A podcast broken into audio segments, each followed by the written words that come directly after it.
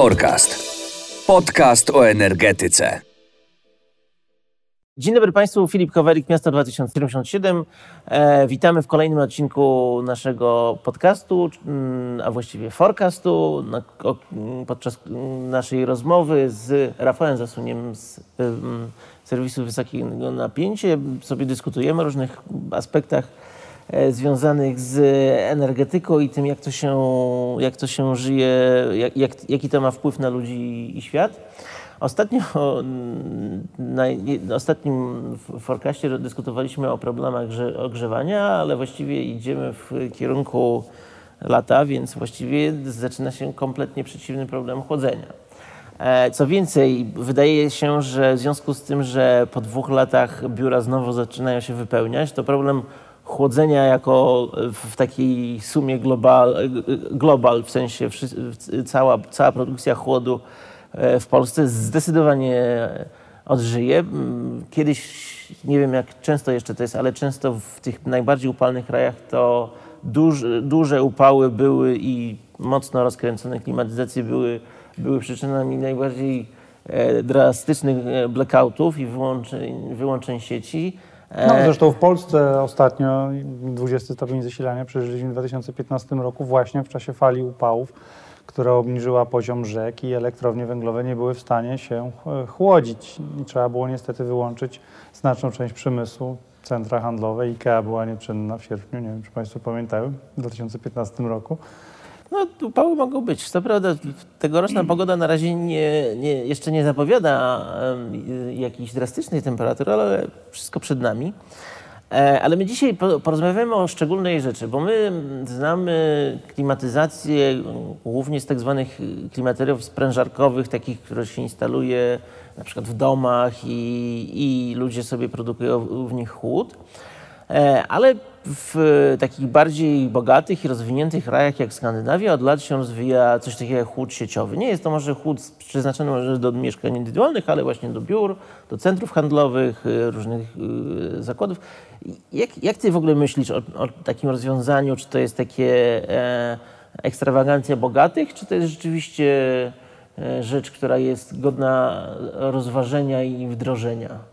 Znaczy, wydaje się, że to od tego nie ma ucieczki, dlatego że mm, klimatyzacja taka, jaką znamy do tej pory, no ona jest wielkim pożeraczem energii elektrycznej. E, energia elektryczna, no, wprawdzie teoretycznie, jak obiecują nam różni, różni politycy i, i, promotorzy transformacji, zielonej transformacji, ta energia z odnawialnych źródeł będzie tańsza, ale no to będzie jeszcze za czas jakiś. Póki co żyjemy w świecie, w którym paliwa kopalne ciągle odgrywają dużą rolę i ciągle wyznaczają nam te ceny energii elektrycznej, więc ona będzie coraz droższa, więc musimy poszukiwać rozwiązań, jak ją oszczędzić i jak, e, mm, jak ją e, tam, gdzie się da, zamienić. Mówiliśmy tu chociażby o e, tam gdzie, tam, gdzie trzeba dostarczyć ciepło czy właśnie chłód, to w jaki sposób mm, zrobić to oszczędzając energię elektryczną. Mówiliśmy chociażby o cieple odpadowym, którymś z odcinków forecastu. Więc tak samo tutaj ten, ten chłód sieciowy ma do odegrania olbrzymią rolę i stąd już w w dokumentach unijnych, czy nawet tam w różnego rodzaju programach mm, finansowania inwestycji mówi się już nie o kogeneracji, czyli o mhm. produkcji ciepła i prądu jednocześnie, tylko o trigeneracji, czyli o produkcji ciepła sieciowego, prądu i chłodu sieciowego. I e, z tego, co obserwuję na rynku, no to chłód sieciowy w tej chwili jest najbardziej popularny w, przedsiębiorstwach. Firmy takie, które chcą być właśnie postrzegane jako nowoczesne, jako nisko bądź zeroemisyjne, inwestują właśnie w trigenerację, w, w, w, w chłód sieciowy. Jeden z fabryk Coca-Coli w Polsce ma. Ja, ja rozumiem, że to jest tak, że, że oni nie mają własne źródło zasilania i to jest pies, który mm, którym produkuje zarówno prąd, ciepło, jak i... Tak jest, jak i ten chłód sieciowy i dzięki temu zimą mamy tą, tą fabrykę ogrzaną, a latem mamy odpowiednio ochłodzoną, mamy stałą temperaturę, bo latem przerabiamy to na, na chłód. Mhm. No, i takie, ja pamiętam pierwszy raz widziałem taką instalację dawno temu e, w Londynie w szpitalu. No bo szpital też jest bardzo dobrym przykładem, gdzie trzeba utrzymywać odpowiednią temperaturę niezależnie od pory roku. Mm, tylko, że oczywiście to nie jest tak, że po pierwsze to nie jest tak, że to jest do każdego miejsca, no bo e, w centrum handlowym nie, wstawimy sobie e, dużego pieca. To są zwykłe właśnie takie e, przestrzenie e, przemysłowe, albo tak jak taki szpital, to ma zawsze dużo takiego, e, że tak powiem, zaplecza terenu, może sobie coś taki, taką kotłownię. Zresztą stare szpitale miały własne kotłownie, więc to, to funkcjonuje. Ale ten e, chłód jest e, się, że tak powiem, rozwija, rozwija technologia jego produkcji.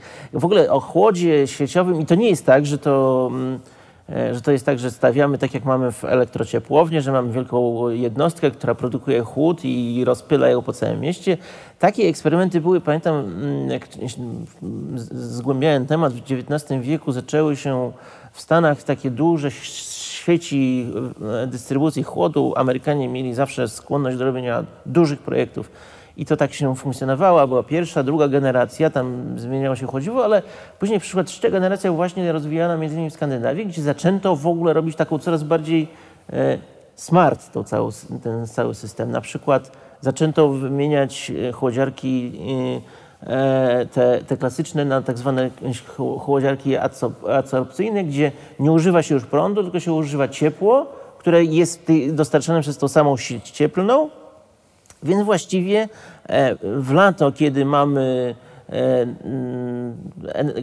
elektrociepłownia produkuje ciepło, bo zawsze je produkuje, się okazuje, że można, w lato ono jest generalnie niepotrzebne, a można je użyć e, do, do produkowania chłodu, co może tak na, intuicyjnie może się wydawać dosyć zaskakujące, ale rzeczywiście tak jest. No przecież to robi nasza lodówka, tak? No ona przetwarza prąd w chłód, tak? Tak A i produkuje tak, ciepło. Tak, więc y, to, i, to jest, y, i tu jest taki pomysł właśnie, że y, teraz jest dużo różnych, e, ten, cały system polega na tym, że się wykonuje, e, wykorzystuje dużo różnych źródeł. Nawet w Sztokholmie korzystają z chłodu e, jezior, które otaczają, z chłodu rzek się korzysta. To jest tak, że teraz się robi cały taki, ta, ten chłód sieciowy ma taki okres takiego rozwoju technologicznego, mam wrażenie, i takiego wdrażania. W Polsce chyba też są e, tego typu e, No tak, e, ale to są, u nas to są ciągle jednak pojedyncze wysepki, tak? My jesteśmy potentatem, jeśli chodzi o ciepło sieciowe. Jesteśmy, Warszawa jest miastem z największą siecią ciepłowniczą w Europie i w ogóle mamy największą liczbę ciepłowni mm, niestety węglowych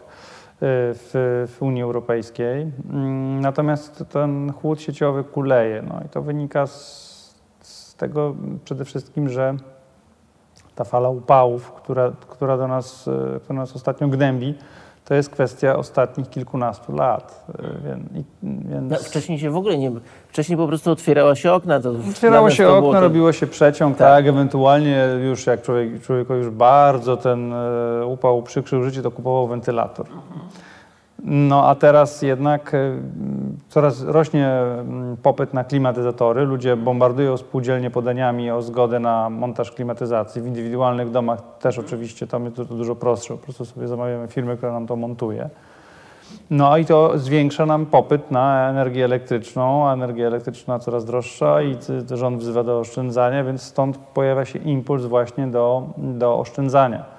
E, Największym oczywiście pożeraczem mm, chłodu jest, są biurowce i centra handlowe. Tam, tam się tego e, zużywa e, najwięcej i ludzie uciekają przed upałem do centrów handlowych. Mm, Myślę zresztą, że jak przyjdzie lipiec i sierpień, to będziemy mieli gremialny powrót do biur, bo ludzie nie będą chcieli pracować w domu.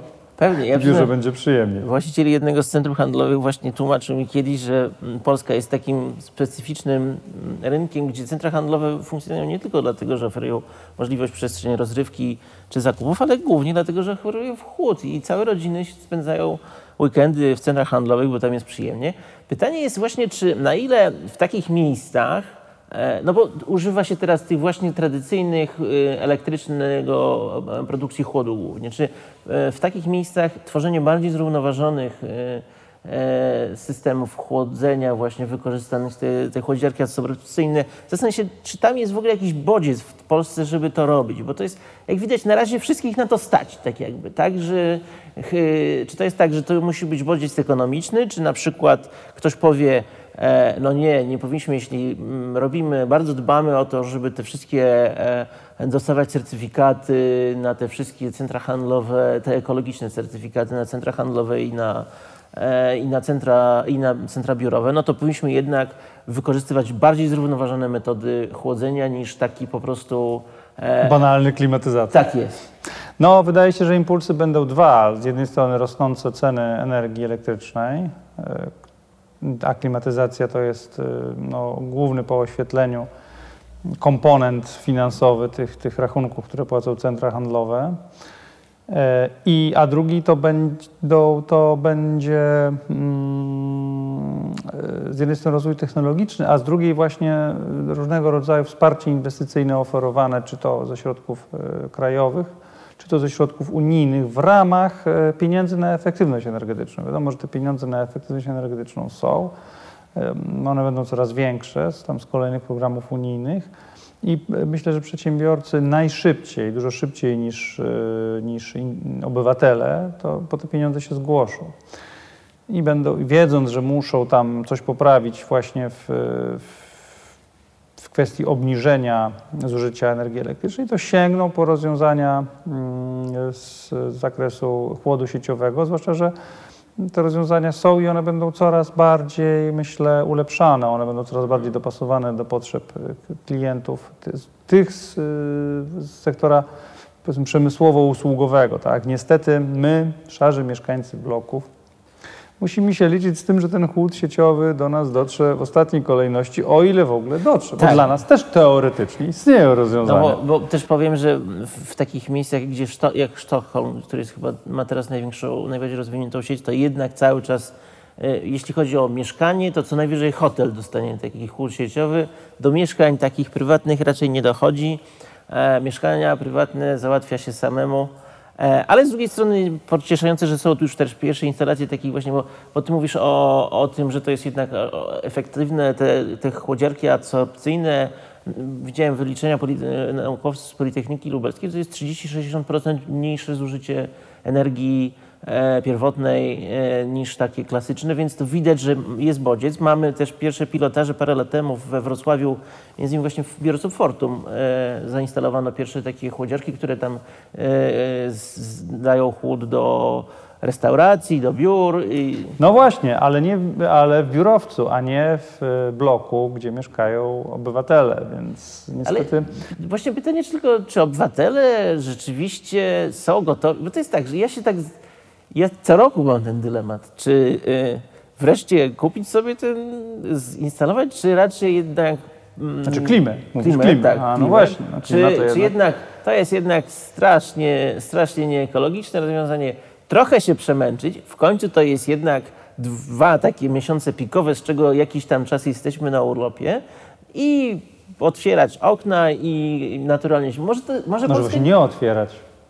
Nie Moja otwierać? metoda jest taka, żeby nie otwierać, bo Ale- jak się spuścić, zaim- zainwestowałem w rolety. Okej, Opuszczam rolety i nie otwieram okien, No, izoluję się od tego Okej, upału. to też można, też można. Co prawda powiem więcej, jest teraz e, produkuje się takie szyby, które e, mm, e, nie przepuszczają promienia podczerwonego, czyli mamy światło, ale nie nagrzewamy się. Mamy nawet takie biurowce, ja widziałem taki biurowiec w Rzeszowie, gdzie wprowadzono takie szyby e, e, i to jest kolejny przykład, że możemy mieć różny sposób, bo to niekoniecznie chłodzenie właśnie e, takie klasyczne. Znaczy e, pomysłów na to, jak chłodzić może być znacznie więcej.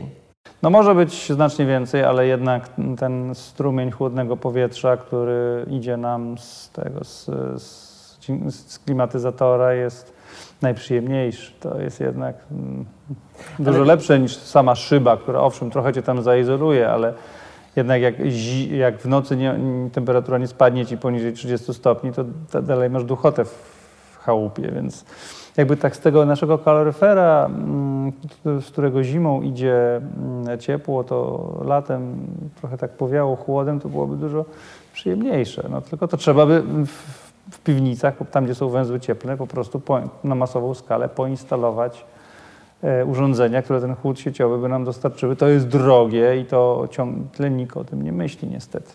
No właśnie, bo to jest kwestia tego, czy my jesteśmy gotowi zapłacić za ten komfort, bo tak naprawdę rozprawę każda instalacja, dyskusja, czy w tym roku zainstalujemy już sobie e, tą, ten, ten, ten, tą klimę, to jest to, czy ja jestem gotowy wydać te parę tysięcy na to, żeby się dochłodzić, a jak mam duże mieszkanie, im mam większe mieszkanie, tym muszę więcej wydać. To jest takie strasznie bolesne. I jeszcze za prąd rachunek. I za, no, chociaż ten prąd to taki odłożony w czasie jest. To nie jest tak, że to od razu muszę wysypać, to jakoś tak będę co miesiąc płacił. I, no, ale tutaj trzeba rzeczywiście konkretne pieniądze położyć, a to się nakłada zawsze jeszcze z wyjazdem wakacyjnym, więc pewne wybory czasami e, trzeba dokonywać.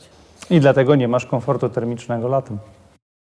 No, mówię, no można, teraz jest moda na bardzo naturalny sposób. Y, to jest tak, że właśnie ostatnio rozmawiałem z takim architektem, który wrócił z, e, z Bangladeszu, który, gdzie robił w Datce duże centrum projektowe, duże centrum handlowe i mówi, że oni mają, dla nich poczucie komfortu termicznego to jest wrzucenie sobie minus 8, e, znaczy na, wrzucenie temperatury na 18 stopni i takie pełne schłodzenie, ten, e, pełne schłodzenie e, powietrza, a jednak w Europie coraz bardziej myśli się o naturalnych sposobach e, chłodzenia konstrukcyjnie. Budynki się teraz coraz bardziej konstruuje, tak żeby było właśnie odpowiednie niedopuszczenie do nagrzewania się powietrza, lepsza cyrkulacja powietrza. To jest tak, że jednak... Bunkry są bardzo dobre do tego. Chociaż panuje tam niebezpieczna tak, wilgoć, ale... Tak, poza tym jest trochę ciemnało, ale... Ale okej, okay, nie no. Ale w bunkrze można się bardzo przyjemnie schłodzić. No ale widzę, że tak nie, nie, ten, nie, nie liczysz na to, że architektonicznie, naturalnie da się, da się wytworzyć ten chłód. Mm, myślę, że to w, w perspektywie kilkudziesięciu lat y, to będzie rozwiązane. Będziemy mieli przyjemne 21 stopni i latem, i zimą, i to się prędzej czy później stanie, bo takie będzie oczekiwanie ludzi, tak? To technologia za tym pójdzie. To, to jest tylko kwestia czasu. Natomiast my tego możemy już nie dożyć. No, a, a nawet jak. A nawet, upał nas zabije. Te, też, a nawet jak dożyjemy, to już będziemy chcieli na starość, żeby było nam jak najcieplej i, ten, i będziemy się w tym upale może dobrze nawet czuli. Więc niestety, jak jest szczurki, tak. Niestety mm, no, transformacje energetyczne mają to do siebie, że są powolne i wszystkie, wszystkie e, do tej pory te, które się działy, przestawienie się z drewna na węgiel, czy z węgla na gaz, czy teraz e, na, na, na OZE, no to wszystko jest rozciągnięte w czasie i trwa kilkadziesiąt lat i jakkolwiek teraz ta transformacja bardzo przyspieszyła, to myślę, że że e, no, wszyscy się na klimatyzację nie przestawimy. Będą nowe technologie, które takie jak chłód sieciowy, które pozwolą nam e, no, schłodzić się nieco w domach, e, ale i w domach, biurach, fabrykach, ale to trochę potrwa. Okej, okay, no bo dzisiaj na 14 milionów e, gospodarstw domowych około 250 tysięcy jest takich indywidualnych klimatyzacji, więc i to tak powiedzmy 20 tysięcy rocznie dokłada, no to to nie ma takiej, nie widzę takiej perspektywy, że rzeczywiście ludzie sobie masowo zrobią. To musisz, masowo będą instalować indywidualne klimatyzatory. I wydaje się, że jednak. Y, to... Będą, ale myślę, że y, myślę, że rosnące ceny energii będą też ich od tego odstraszać, bo jak ktoś usłyszy, że latem zapłaci, jak sobie puści tą klimę na full, zapłaci 1000 zł miesięcznie za prąd, to trochę lekko y, może go wygiąć. 1000 zł się płaci za. Tyle może zapłacić. Okay. Tyle może, znaczy dwa lata czy trzy lata temu to było nie do pomyślenia, ale my nie wiemy, jakie będą ceny prądu za, za rok czy dwa lata i może się to tak skończyć. Mi mówił, jak rozmawiałem z instalatorem, to mi mówił, no, że panie latem to zapłacisz pan te, te 600 zł tak, miesięcznie. Więc y, biorąc pod uwagę, jak rosną ceny prądu, to przy dużym mieszkaniu czy domu nawet może się okazać, że to będzie 1000 zł i to może też ludzi lekko odstraszyć. I wtedy właśnie pojawią się ci, którzy zaoferują nowe rozwiązania i powiedzą, panie, nie musisz pan tego klimatyzatora brać na prąd, bo ja tu panu podsunę coś innego, coś tańszego. I na to liczymy, no bo rzeczywiście to jest trochę dużo. My nie jesteśmy jeszcze bardzo zamożnym społeczeństwem, e, czyli na razie jesteśmy skazani na otwieranie okien. E, albo ich zamykanie. Albo ich zamykanie. E, to tyle, jeśli chodzi o chłód sieciowy. Dziękuję bardzo na dziś. Rafał Zasuń. Kowalik Filip.